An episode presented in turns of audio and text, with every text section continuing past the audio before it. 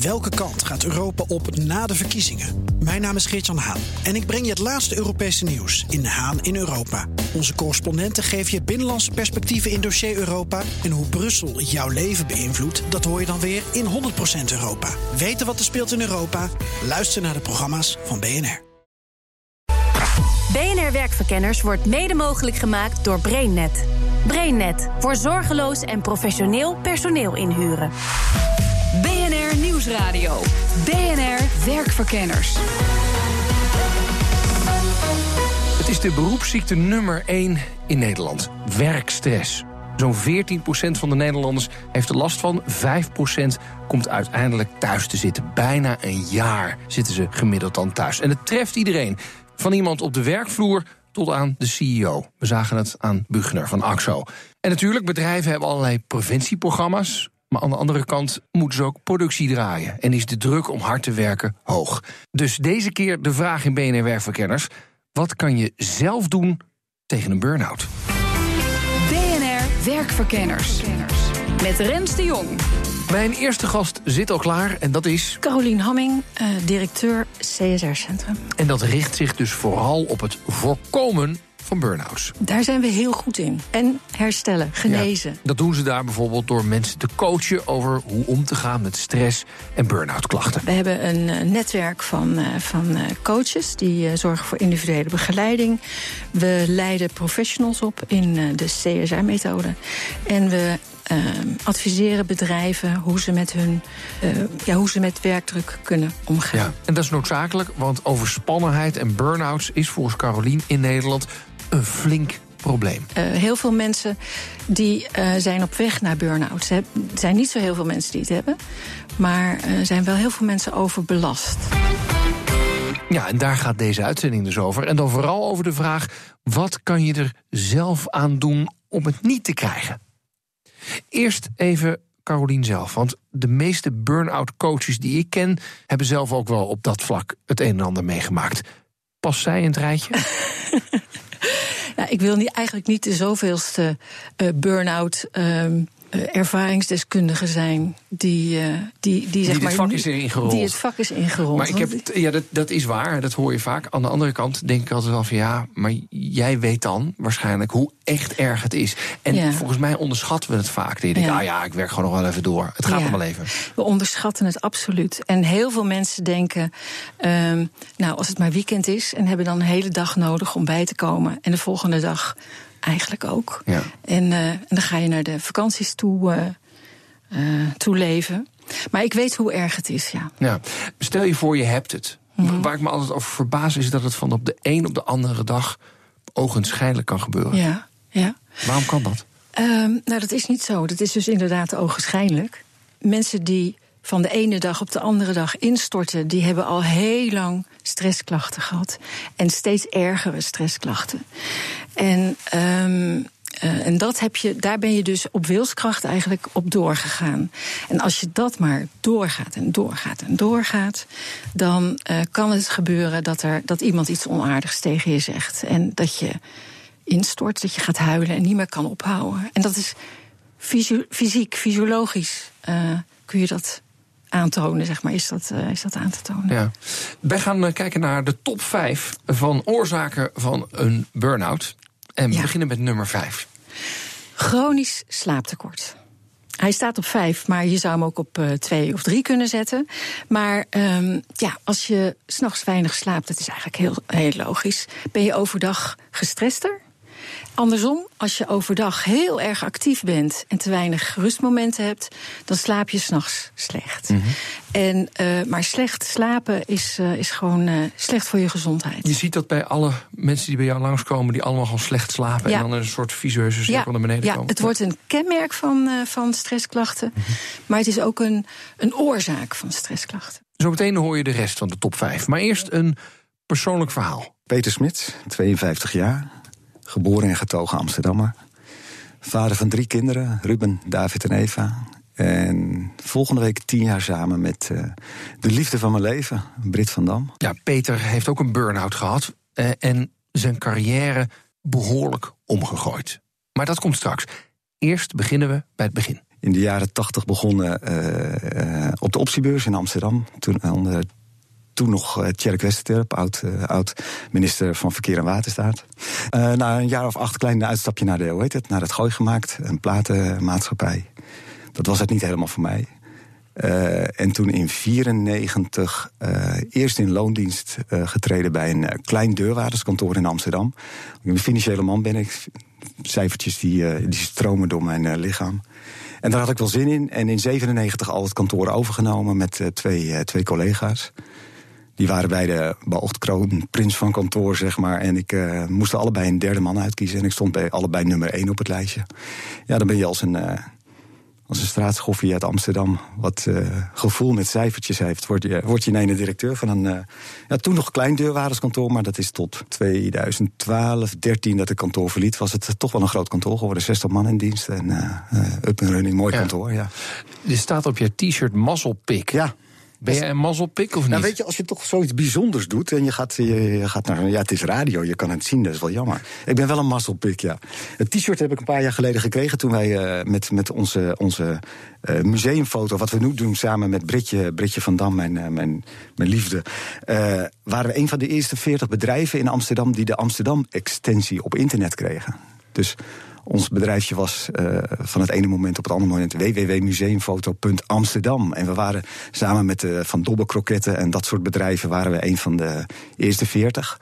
En uh, dat werd gevierd met een hele grote introductie en allemaal mooie t-shirts aan. En dat is eigenlijk een beetje mijn lievelingsshirt geworden. ja, toen ik, heb je die gekregen. Ik voel me een mazzelpik. Ja, ja, ja, Want even voor in de chronologie.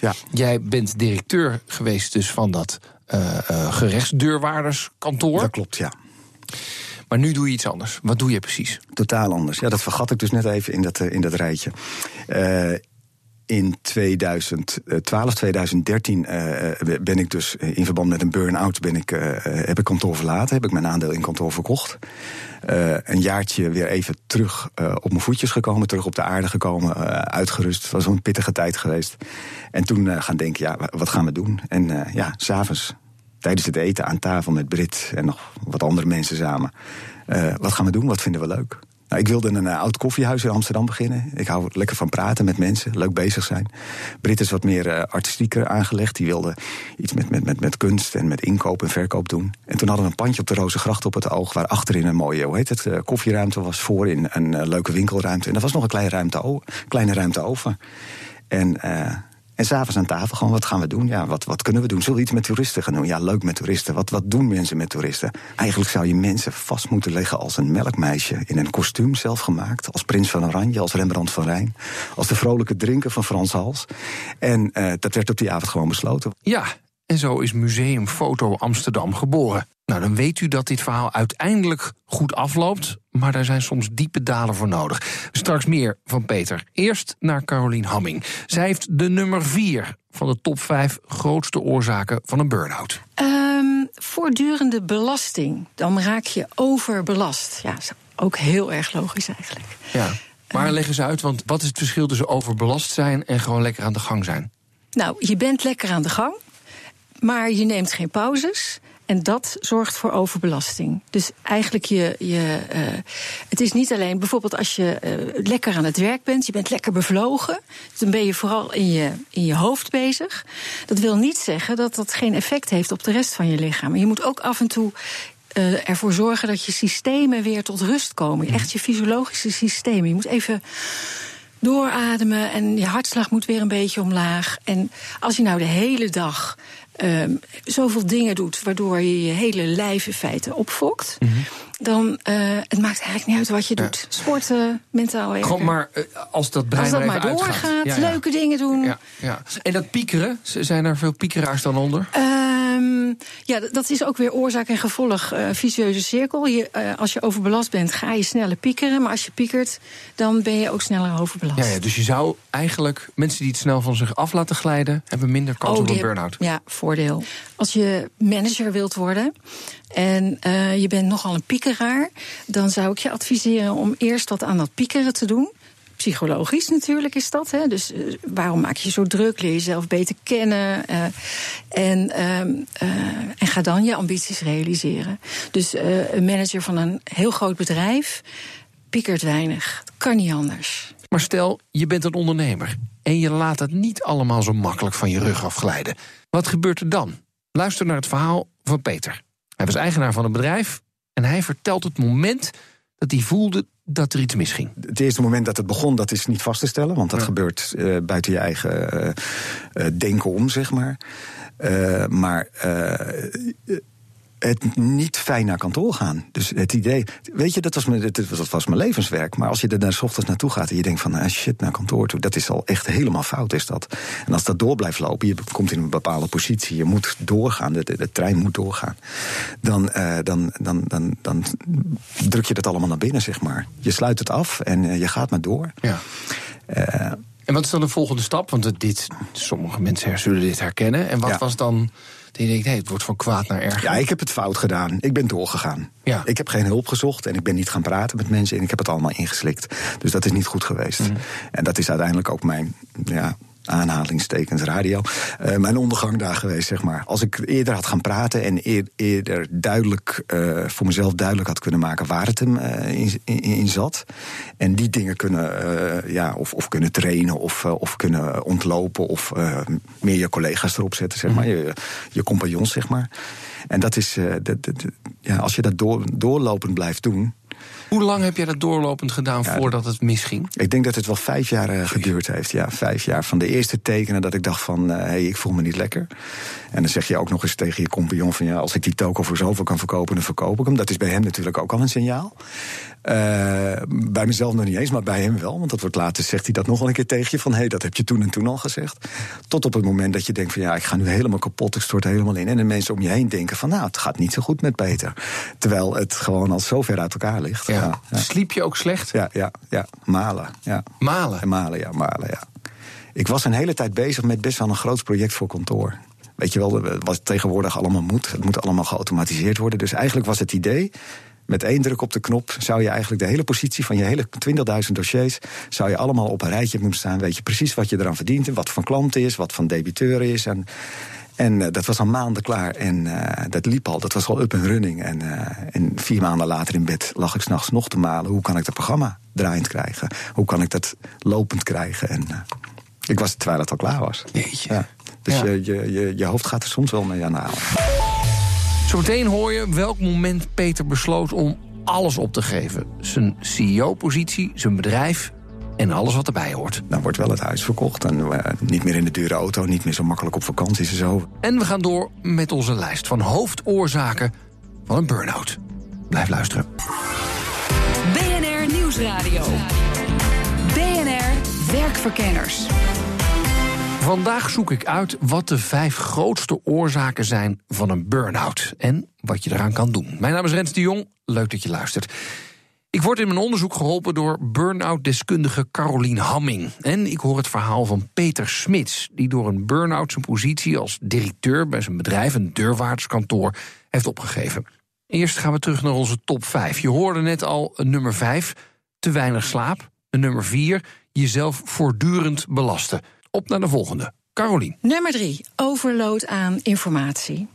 Ehm, dat, is, dat is iets wat op dit moment eigenlijk debet is aan, aan, de, eh, ehm, aan het stijgen van, van, het, van, de, van de burn-out of van, van de stressklachten. Mensen.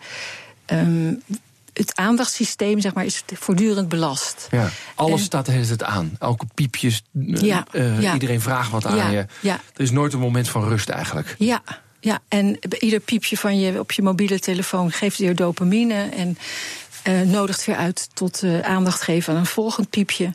En eh, vooral jonge mensen die.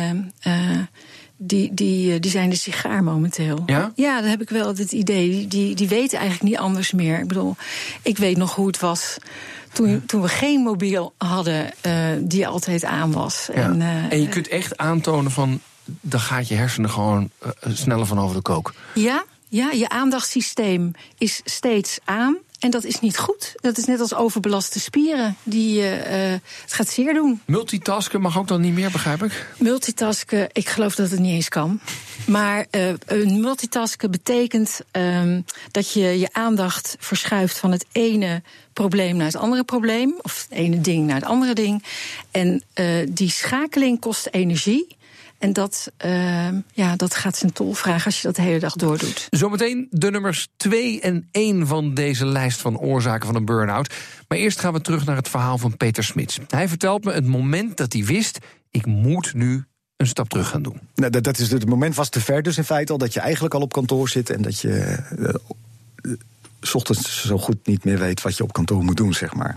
En dan komen de, dan komen de emoties ook, zeg maar. En dat, dat zien collega's ook en dat zien medewerkers. Medewerkers heel dichtbij zien dat ook. Van hé, Peter is de ouder niet meer. En dat is. Dat was dat moment wel, ja. Ja. En toen, wat heb je gedaan? Uh, toen dacht ik, nou, rust. Rust moet het zijn. Dus ik ben in overleg met mijn uh, collega, compagnons gegaan en ik heb gezegd van ja, weet je, geef mij die woensdag vrij. Dan blijf ik gewoon thuis. Ik ben wel bereikbaar voor, de, voor uh, spannende dingen. Maar uh, ik, ik, kom gewoon niet op kantoor. En ik ga van huis uit wat werken en zo. Met in mijn achterhoofd van ja, dan hoef ik voor de komende periode maar twee dagen achter elkaar te werken. Dan kan je opladen. En ja, dat, dat werkt ook niet. Nee, waarom werkte dat niet? Nee, nee, nee want als je eenmaal met het probleem zit... en je, ik was uh, nog redelijk perfectionistisch ingesteld, zeg maar... alles moest ook goed lopen, dus dan ga je toch werken... Oh, ja, extra werken in die dagen dat je er niet bent. En, uh, maar ook niet, ook niet, nog niet goed aanpakken waar het nou zit. Dus eigenlijk had je die woensdag moeten gebruiken om helemaal tot rust te komen. En met, met, met coaches gaan praten en zo. Dat in het begin ook niet gedaan, zeg maar. Vermijd het eigenlijk. Ja, ja, ja, maar weet je het deep inside, weet je het wel of niet? Uh, je, je, weet het wel, maar de consequenties van hele grote stappen... die zijn heel erg groot. En daar ben je op dat moment bang voor. Ja.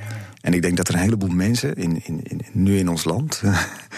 bij banken, bij verzekeringsmaatschappijen, bij grote bedrijven... ook in die positie zitten... Weet je, ik heb, ik heb zo ontzettend geluk dat ik, uh, dat ik Brit als partner heb. En die heeft, die heeft me gewoon gesteund. Die zei, nou dan stop je ermee.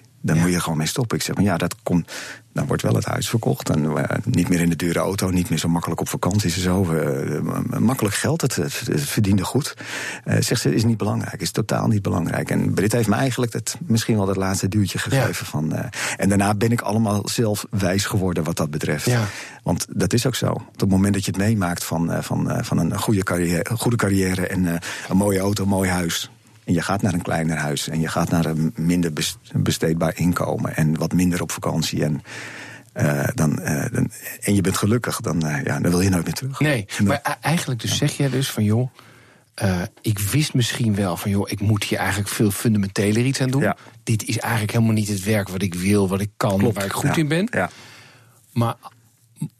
Als jij zou stoppen, dat Ja. zou dat zoveel consequenties Ja, hebben. het zou de hele boel in elkaar. De eh, flikker de hele ja, zooi in elkaar. Ja, klopt. Ja. En dus heb je er eigenlijk onderbewust voor gekozen om het dan maar in elkaar te laten Ja. flikkeren door echt. Ja. Want nu kon je niet meer terug. Nee, ik kon niet meer terug. Nee. wordt nee, ik gewoon was gewoon ziek. ziek. Ja, was ziek. Ja. Ja. Maar ja, wat dat, echt. is een, dat is nog een tijd later gebeurd. Want je hebt de woensdag niet gewerkt. Ja, dat heeft, is, heeft ongeveer een jaar geduurd. Negen, tien maanden heeft dat geduurd.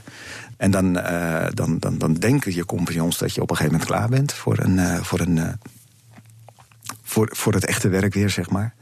En dan zit je op dat moment eigenlijk op het diepste punt waar je die, kan die zeggen gewoon, joh, uh, Peter, wanneer kom je weer? Ja, die vroegen dat gewoon van, hey, ben je weer opgeknapt? En, uh, die je, hadden bent, je ook bent al tien maanden ja. elke woensdag vrij. Ja, tuurlijk. Ja, Ja. ja. natuurlijk. Ja. En toen, heel- wat, hoe ging dat?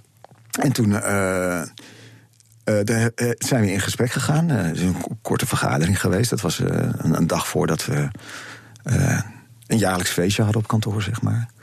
En toen zat ik er echt helemaal zo doorheen. Ik zeg, eh, mannen, ik, eh, ik, ik trek het niet. Ik ben er morgen niet bij. En eh, Bij het feestje. bij het feestje, ja. Voor klanten was dat, voor klanten en personeel. En de volgende dag, ja, hele nacht wakker gelegen. Het, het zijn toch moeilijke gesprekken dan. En de hele nacht wakker gelegen. En ja, de volgende dag gebeld. En ik ben nu heel even totaal uh, arbeidsongeschikt. Want in die, want in die Ja. vergadering zeiden ze... Ja. Jij zei, joh, morgen ben ik niet bij het feestje. Ja, klopt. En in dezelfde vergadering vroegen zij... Ja, wanneer kom je weer fulltime, weet je wel? Dus ik zat heel diep. En zij zaten van, uh, nou oké, okay, misschien uh, kunnen we nu, nu eens aan hem vragen... van wanneer hij weer fulltime komt werken, zeg maar. En dat was voor jou... Nee, dat, dat was voor mij moeilijk. Ja, ja, niet te verhapsen. Ik, ik begreep het ook niet. Nee. Na dat moment is Peter nooit meer op zijn kantoor geweest. Hij heeft zijn aandeel in het bedrijf verkocht. Hij heeft bijna een jaar moeten herstellen. Maar hij kwam er weer bovenop. We gaan verder met de lijst grootste oorzaken van een burn-out. De nummer twee. Uh, hoe pessimistischer, hoe, hoe somberder. Zij ze lachend. Ja, ja, ja.